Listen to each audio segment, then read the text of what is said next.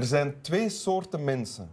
Mensen die andere mensen opdelen in categorieën en mensen die dat niet doen. Ik behoor tot de tweede soort en ik heb een hekel aan de eerste soort. Ik noem dat soort volk ehm, sukkels of peren. Al heb ik geen probleem met echte peren. Integendeel, ik eet ze zelfs heel graag. Ik ook. Zeker Ja. op sap. Yep. Welkom in Winteruur, Erwin Mortier. Dank u wel. U had uw komst al aangekondigd met een kleine jip. Mhm. En nu zitten we hier. U bent schrijver, natuurlijk, in eh allerhande vormen en hoedanigheden. Romanschrijver, essayist, bloemlezer, Mhm. ehm, columnist, dichter. En, in, en ik ga de prijzen niet beginnen opzommen die u al Niet gewonnen doen. hebt. Misschien zijn er wel prijzen die u nog niet gewonnen hebt, die, u- die u vermeld wil weten. Eh, ik, ik lig eigenlijk niet wakker van prijzen. Ah, nee, Eh. Ik vind dat eh, mooi meegenomen, maar niet, niet essentieel voor mijn levensgeluk. Nee.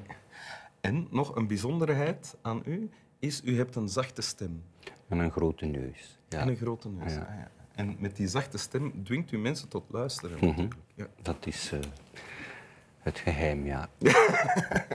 nu is het verkocht aan heel Vlaanderen. ja, al valt het aantal eh, kijkers tegenwoordig nogal mee. Dat- Ja, op dat late uur zijn denk ik vooral eh, eenzame zielen wakker nog, denk ik. Ja, ja. Dus die weten het nu. Ja, maar dat zijn ook de mensen die mijn gedichten kopen, dus Ah ja, perfect. oké. Wil u voorlezen wat u ja, hebt meegebracht? graag.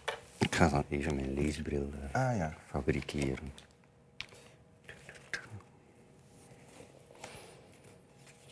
Voorwerpen. Dode voorwerpen zijn altijd te vertrouwen en er valt ze helaas niet te verwijten.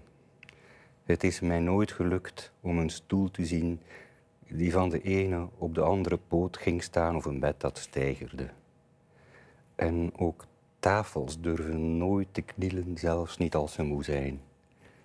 Ik heb het vermoeden dat de voorwerpen dat uit pedagogische overwegingen doen, om ons voortdurend aan onze onstandvastigheid te herinneren. Ja, die zit wel, hè? Die zit wel. Ja, het klinkt een beetje als een grap als u het zo voorleest, vind ik ook. Ja, maar eh, Herbert, Zbigniew Herbert, Ja. eh, was ook een, Een eh, Poolse een schrijver. Poolse schrijver die zich net als wij niet aan categorieën eh, eh, hield. Ah ja. En die dus eh, alle hoge pretentie van, van dichters en andere dictators in zijn werk aan de kaak stelde op een vaak ironisch ontregelende manier. Ja. En dit, want dit is een gedicht, hè? Dit is voor alle duidelijkheid een gedicht. Ja, Ja, voor ja. mensen die het nog niet kennen, dus zo erg is het niet. Nee. Oké. En wat staat er in het gedicht dat je hebt meegebracht?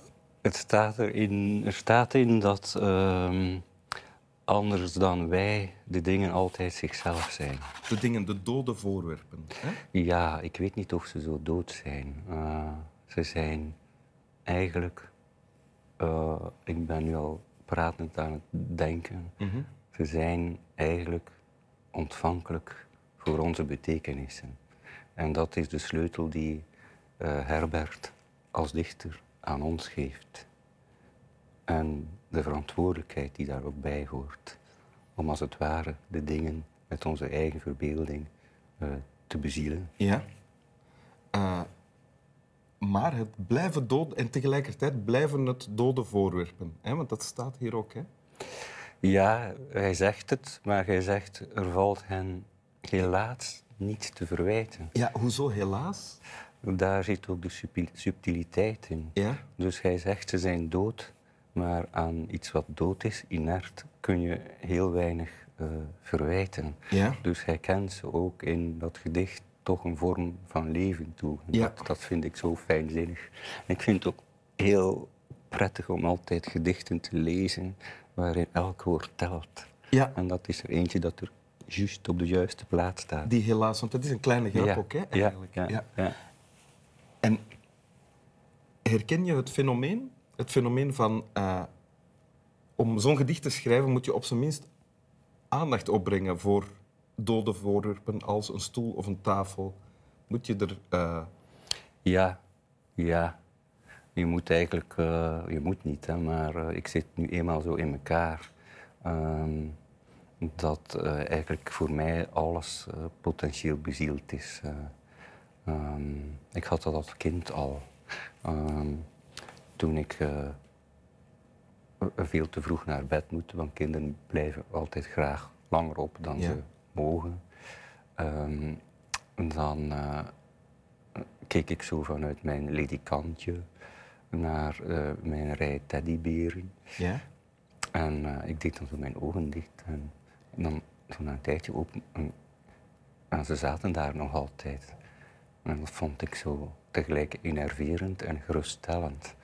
Eh, maar ik dacht van alleen, waarom zitten jullie daar maar te zitten? Ja. En En dat deed je als kind. ja, dat deed ik als kind, ja. We zijn nu een paar jaar later. ja, we zijn een paar diploma's en verkeersongevallen later. Doe je dat nog? Sta je nog? Kan je, nog, kan je naar een stoel kijken en dat als een bezield ding zien? Of dat... Ja, ik zie het als, een, als, als iets dat eh, als een reservoir van, van potentiële metaforen door de, ehm, hoe moet ik het noemen, eh, de associaties die het in mij opwekt. En dat is dan alsof zo'n zo zo'n- meubel ehm, dat op mij afvuurt. En eh, het is dan mijn taak als schrijver om die, om die, om die die tennisballen eh, als het ware op, op te vangen. Oh ja. En ik hoorde ooit een ehm, Amerikaanse dichteres, Ruth Stone, ehm, zij is ondertussen dood, eh, zeggen hoe zij eh, gedichten maakte. En ze woonde op een boerderij, was een boerin, Ja? in de Midwest ergens. En ze zei, soms kan ik op de akker staan werken met de riek. En dan voel ik dat er eh, een gedichtopkomst is. En dan moet ik mij heel snel haasten naar mijn huis om het te kunnen pakken, want anders gaat het naar een andere dichter. En het is tot nu toe altijd gelukt, zegt ze, maar soms gebeurt het dat ik net op tijd aan mijn bureau ben en dan kan ik het gedicht nog aan zijn poten op mijn blad trekken. Ah ja. En, maar dat herken je dan? Ja, ik herken dat enorm. Want je, je gebruikte daarnet het beeld van die tennisballen die op je af worden ja. Dus dat kan jou overkomen als je zit, weet ik wat, te kijken naar een kast? Of, of... Ja, ja, ja. Dat kan mij overkomen als ik ook met mensen zit te praten. En, eh, Oh ja. ik, ik heb dan ook zo altijd van die neurotische notitieboekjes bij. En altijd wel ergens een Oh ja. pen en dan krabbel ik het op en dan, dan eh, stelt mij dat gerust. Dan, eh, En kan je, heb je dat zelf in de hand? Kan je zeggen van ik, ik, word, ik breng mezelf in een meditatieve straat, staat en dan gebeurt dat? Of heb je daar geen controle over? Ik heb daar op zich geen controle over. Eh, ik kan het wel in een soort sluimerstand zetten. Ah, ja. Maar bijvoorbeeld als we, als we eh, van, van ergens vandaan komen, zeker waar eh, andere mensen zijn, dan weet mijn man, dan moet ik altijd een paar uur ontmensen, noem ik dat, om dan die knop te kunnen openen en dan alles zijn gang te laten gaan. Ah ja. En voor mij is het schrijven. eh, toen ik begon te schrijven, was dat zo'n ontdekking dat eh, heel veel andere dichters in andere tijden dat ook hadden.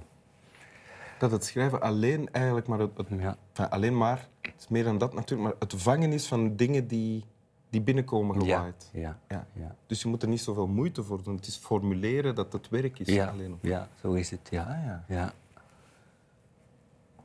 Wilt u het nog eens lezen? ja. Dank u. Voorwerpen. Dode voorwerpen zijn altijd te vertrouwen. En er valt helaas niets te verwijten.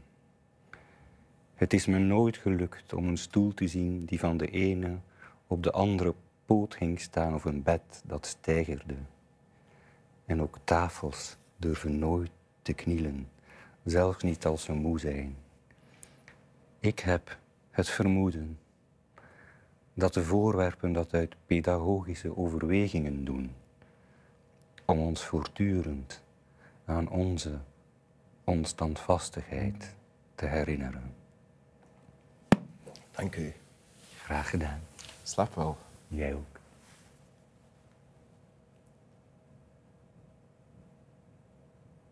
moeten nu ook geklapt worden. dat mag. We hebben het natuurlijk hebben het niet gehad over die pedagogische overwegingen nee. en wat de dingen ons kunnen leren. Maar dat kunnen we dan privé doen eigenlijk. Mhm.